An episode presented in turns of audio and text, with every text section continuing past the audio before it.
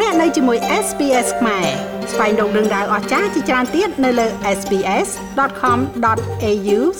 ខ្មែរចាប់ពីថ្ងៃទី1ខែកក្កដានេះទៅ មានការផ្លាស់ប្ដូរមួយចំនួនចំពោះការយកពន្ធនៅក្នុងប្រទេសអូស្ត្រាលី ដែលត្រូវបានដល់ពេលកំណត់ឲ្យចូលជាធរមាន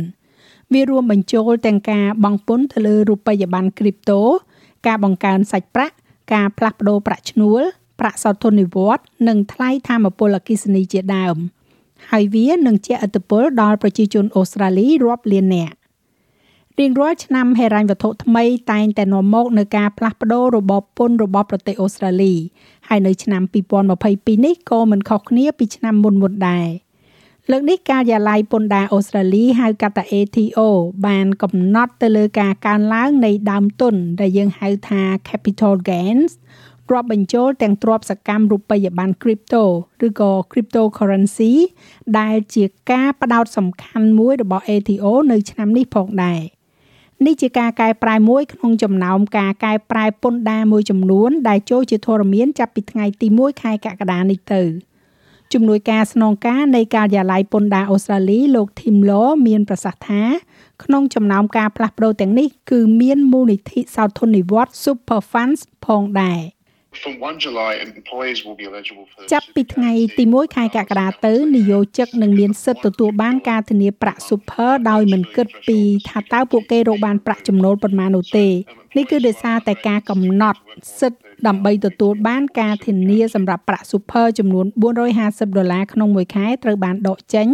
ដូច្នេះនិយោជិកដែលមានអាយុក្រោម18ឆ្នាំនៅតែត្រូវធ្វើការច្រើនជាង30ម៉ោងក្នុងមួយសប្តាហ៍ ដើម្បីមានសិទ្ធិទទួលបានការធានាប្រាក់ super នេះអត្រានៃការធានាប្រាក់ super ក៏នឹងកើនឡើងពី10%ទៅ10.5%ផងដែរដែលមានន័យថានយោជកនឹងត្រូវប្រើអត្រាថ្មីនេះដើម្បីកណនាការទូទាត់ប្រាក់ super សម្រាប់ពេលបង់ប្រាក់ឈ្នួលទាំងអស់នៅឬក៏ក្រោយថ្ងៃទី1ខែកក្កដាសូម្បីតែសម្រាប់ការងារដែលបានធ្វើមុនកាលបរិច្ឆេទនោះក៏ដោយ។ ហើយចាប់ពីថ្ងៃទី1ខែកក្កដាទៅប្រសិនបើអ្នកមានអាយុ60ឆ្នាំឬក៏ចាស់ជាងនេះអ្នកអាចមានសិទ្ធិរួមចំណែកដាក់ប្រាក់ចូល ដែលគេហៅថា downsizer contribution ពីប្រាក់ចំណូលនៃការលក់ឬក៏ការលក់មួយផ្នែកនៃផ្ទះរបស់អ្នករហូតដល់ទៅ3សែនដុល្លារចូលទៅក្នុងមូលនិធិប្រាក់សោធននិវត្តន៍ដែលអនុលោមតាមច្បាប់ ពីមុនអ្នកត្រូវតែមានអាយុ65ឆ្នាំឬក៏ចាស់ជាងនេះដើម្បីធ្វើការរួមចំណែក downsizer contribution នេះហើយចាប់ពីថ្ងៃទី1ខែកក្កដានេះផងដែរប្រជាជនអូស្ត្រាលីជាង10លាននាក់នឹងទទួលបាននូវការកាត់កងចំណាយលើការបង់ពន្ធសម្រាប់ចំណាយលើការរស់នៅចំនួន420ដុល្លារ ការកាត់កងនេះគឺជាការកាត់បន្ថយការបង់ពន្ធលើប្រាក់ឈ្នួលជាប់ពន្ធរបស់បុគ្គលម្នាក់ៗហើយវានឹងត្រូវបានបញ្ចូលទៅក្នុងការកាត់កងពន្ធសម្រាប់អ្នកដែលមានប្រាក់ចំណូលទាបឬក៏មធ្យមលោកលពន្យល់ Look, the low and middle income tax offset ការកាត់កងប្រាក់ចំណូលទាបទៅមធ្យមត្រូវបានកើនឡើងសម្រាប់ឆ្នាំហិរញ្ញវត្ថុ2021-22នេះ សម្រាប់ចំនួនទឹកប្រាក់ចន្លោះពី675និង1500ដុល្លារសម្រាប់ប្រាក់ចំណូលរហូតដល់ទៅ126,000ដុល្លារ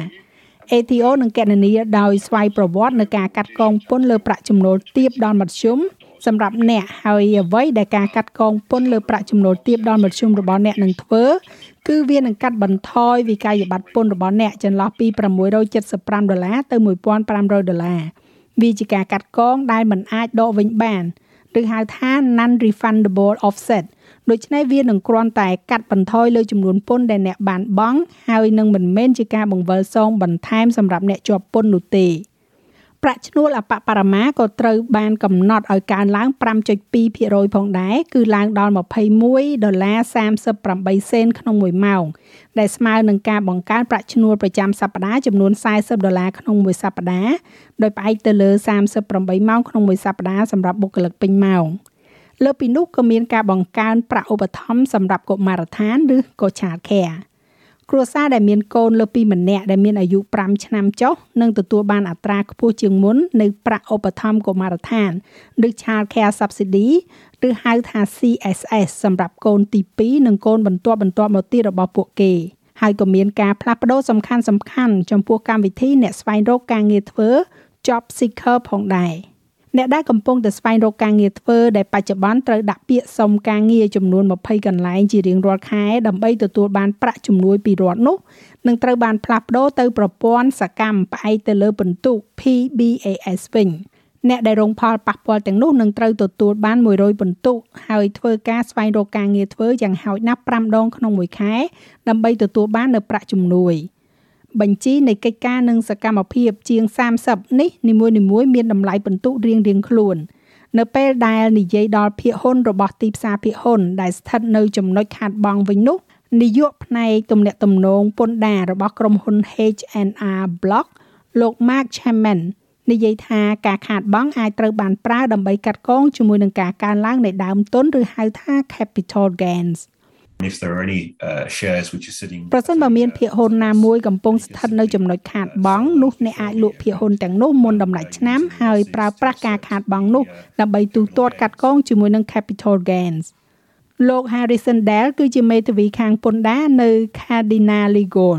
លោកកំពុងតែព្រមានអំពីការផ្លាស់ប្ដូរថ្មីចំពោះការជួញដូររូបិយប័ត្រ crypto និងការបង់ពន្ធ។ ព្រឹត្តិការណ៍ពន្ធសម្រាប់មនុស្សភាគច្រើនគ្រាន់តែជាអ្នកវិនិយោគម្ដងម្កាលម្នាក់ដែលមានពេលណាមួយនោះពួកគេបានដោះដូរ token ឬក៏ពួកគេបានទទួល token ជាឧទាហរណ៍គឺប្រសិនបើអ្នកកំពុងជួញដូររវាង token ខុសៗគ្នា អ្នកដោះដូរ Bitcoin មួយចំនួនដើម្បីទិញរូបិយប័ណ្ណ crypto ផ្សេងទៀត អ្នកពិតជាបង្កឲ្យមានព្រឹត្តិការណ៍ជាប់ពន្ធហើយអ្នកត្រូវតែធ្វើការកណនាពន្ធទៅលើការបង្កើនដើមទុនឬក៏ capital gains tax របស់អ្នកលើរាល់ប្រតិបត្តិការដែលអ្នកធ្វើហើយជាទូទៅអ្នកវិនិយោគមានការយល់ខុសមួយចំនួនដោយដែលលោកដែលពន្យល់ I have a conversation at least uh, two or three times a week ខ្ញុំធ្វើការសន្ទនាយ៉ាងហោចណាស់2ទៅ3ដងក្នុងមួយសប្តាហ៍ជាមួយអ្នកដែលនិយាយថា ប្រាក់ចំណេញរូបិយប័ណ្ណ crypto របស់ពួកគេមិនជាប់ពន្ធទេលុះត្រាណាតែពួកគេបដូរវាត្រឡប់ទៅជាប្រាក់ដុល្លារអូស្ត្រាលីវិញ វាមិនពិតនោះទេ នោះមិនមែនជារបៀបដែលប្រព័ន្ធនេះដំណើរការនោះទេហើយវាបានធ្វើឲ្យមនុស្សមួយចំនួនមានការពិបាកចិត្តយ៉ាងខ្លាំងអ្នកខ្លះក៏មានការភ្ញាក់ផ្អើលយ៉ាងខ្លាំងនៅពេលនិយាយអំពីការវាយតម្លៃទៅលើការប្រកាសពន្ធឬក៏ tax returns ក្នុងឆ្នាំ2022ប្រការមួយចំនួននៅក្នុងបញ្ជី ATO រួមមាន ការរក្សាកំណត់ត្រាប្រាក់ចំណូលពីការជួលនិងការកាត់កងនិងការចំណាយតាក់ទងទៅនឹងការងារនៅពេលនិយាយអំពីការបង្កើនចំណាយឲ្យបានច្រើនបំផុតនៅក្នុងការប្រកាសពន្ធសម្រាប់អាជីវកម្មនាយកផ្នែកទំនាក់ទំនងខាងពន្ធដាររបស់ H&R Block លោក Mark Chapman និយាយថាអាជីវកម្មអាចទាមទារការកាត់កងចំណាយចេញបានភ្លាមភ្លាមសម្រាប់ទ្រព្យសកម្មដែលបានទិញប៉ុន្តែត្រូវទិញនៅត្រឹមពេលបិទបញ្ជីអាជីវកម្មនៅថ្ងៃប្រហ័សទី30ខែមិថុនាឆ្នាំ2022ត្រឹមម៉ោង5ល្ងាច So if you go out and you uh, buy for example ដូច្នេះប្រសិនបើអ្នកចេញទៅក្រៅហើយទិញឧទាហរណ៍ឡានថ្មីឬកុំព្យូទ័រយួរដៃឬក៏គ្រឿងបរិក្ខារសំខាន់សំខាន់សម្រាប់អាជីវកម្មរបស់អ្នក អ្នកអាចទាមទារការកាត់កងចំណាយទាំងស្រុងនៃទ្រព្យសកម្មនោះបានភ្លាមភ្លាមចេញពីប្រាក់ចំណេញរបស់អ្នកប្រសិនបើទ្រព្យសម្បត្តិនោះត្រូវបានដំឡើងនៅក្នុងអាជីវកម្មរបស់អ្នកត្រឹមម៉ោងបិទអាជីវកម្មនៅថ្ងៃប្រហ័សលោក Mark Chapman និយាយទៀតថាមានភាពមិនស៊ីគ្នាយ៉ាងខ្លាំងរវាងអ្វីដែលអ្នកបង់ពន្ធពិតជាបានបង់និងអ្វីដែល ATO គិតថាពួកគេគួរតែបង់ Yeah well it's probably not a good idea to, uh, to វាប្រហែលជាមិនល្អទេនៅក្នុងការកិច្ចវេះឬក៏ធ្វើខុសច្បាប់ជាទូទៅ ATO ផ្ដោតការយកចិត្តទុកដាក់យ៉ាងពិតប្រាកដទៅលើការចំណាយដែលតាក់ទងទៅនឹងការងារនៅឆ្នាំនេះពួកគេយល់ឃើញថាមានមនុស្សជាច្រើនបានបំពេញលើការចំណាយទាំងនេះក្នុងរយៈពេលប្រមាណឆ្នាំចុងក្រោយ វាមានដូចជាគម្លាត8400លានដុល្លាររវាងអ្វីដែលអ្នកជាប់ពន្ធបានចំណាយយ៉ាងពិតប្រាកដនិងអ្វីដែល ATO គិតថាពួកគេគួរតែត្រូវចំណាយហើយចំនួននោះជាច្រើនត្រូវបានបង្កើតឡើងដោយការចំណាយតាក់ទងទៅនឹងការងារ ATO នឹងពិនិត្យមើលលើការចំណាយតាក់ទងទៅនឹងការងាររបស់អ្នកហើយក៏នឹងកំពុងតែសម្លឹងមើលលើការកើនឡើងនៃដើមទុនឬក៏ capital gains លើអចលនទ្រព្យ លើភាគហ៊ុន លើរូបិយប័ណ្ណ crypto និងការកាត់កងចំណាយដែលអ្នកទៀមទាលើអចលនទ្រព្យជួលសូមធ្វើវាឲ្យបានត្រឹមត្រូវនៅមុនពេលដែលអ្នកដាក់លិខិតប្រកាសពន្ធរបស់អ្នកវាអាចជួយអ្នកមិនឲ្យឈឺក្បាលតាមក្រោយចាស់ហើយរបាយការណ៍នេះចងក្រងឡើងដោយ Esham Al-Ghalib Emma Kellaway និង Tanya Dendrinos សម្រាប់ SBS News ហើយប្រាយសម្រួលសម្រាប់ការផ្សាយរបស់ SBS ខ្មែរដោយនាងខ្ញុំហៃសុផារ៉ានី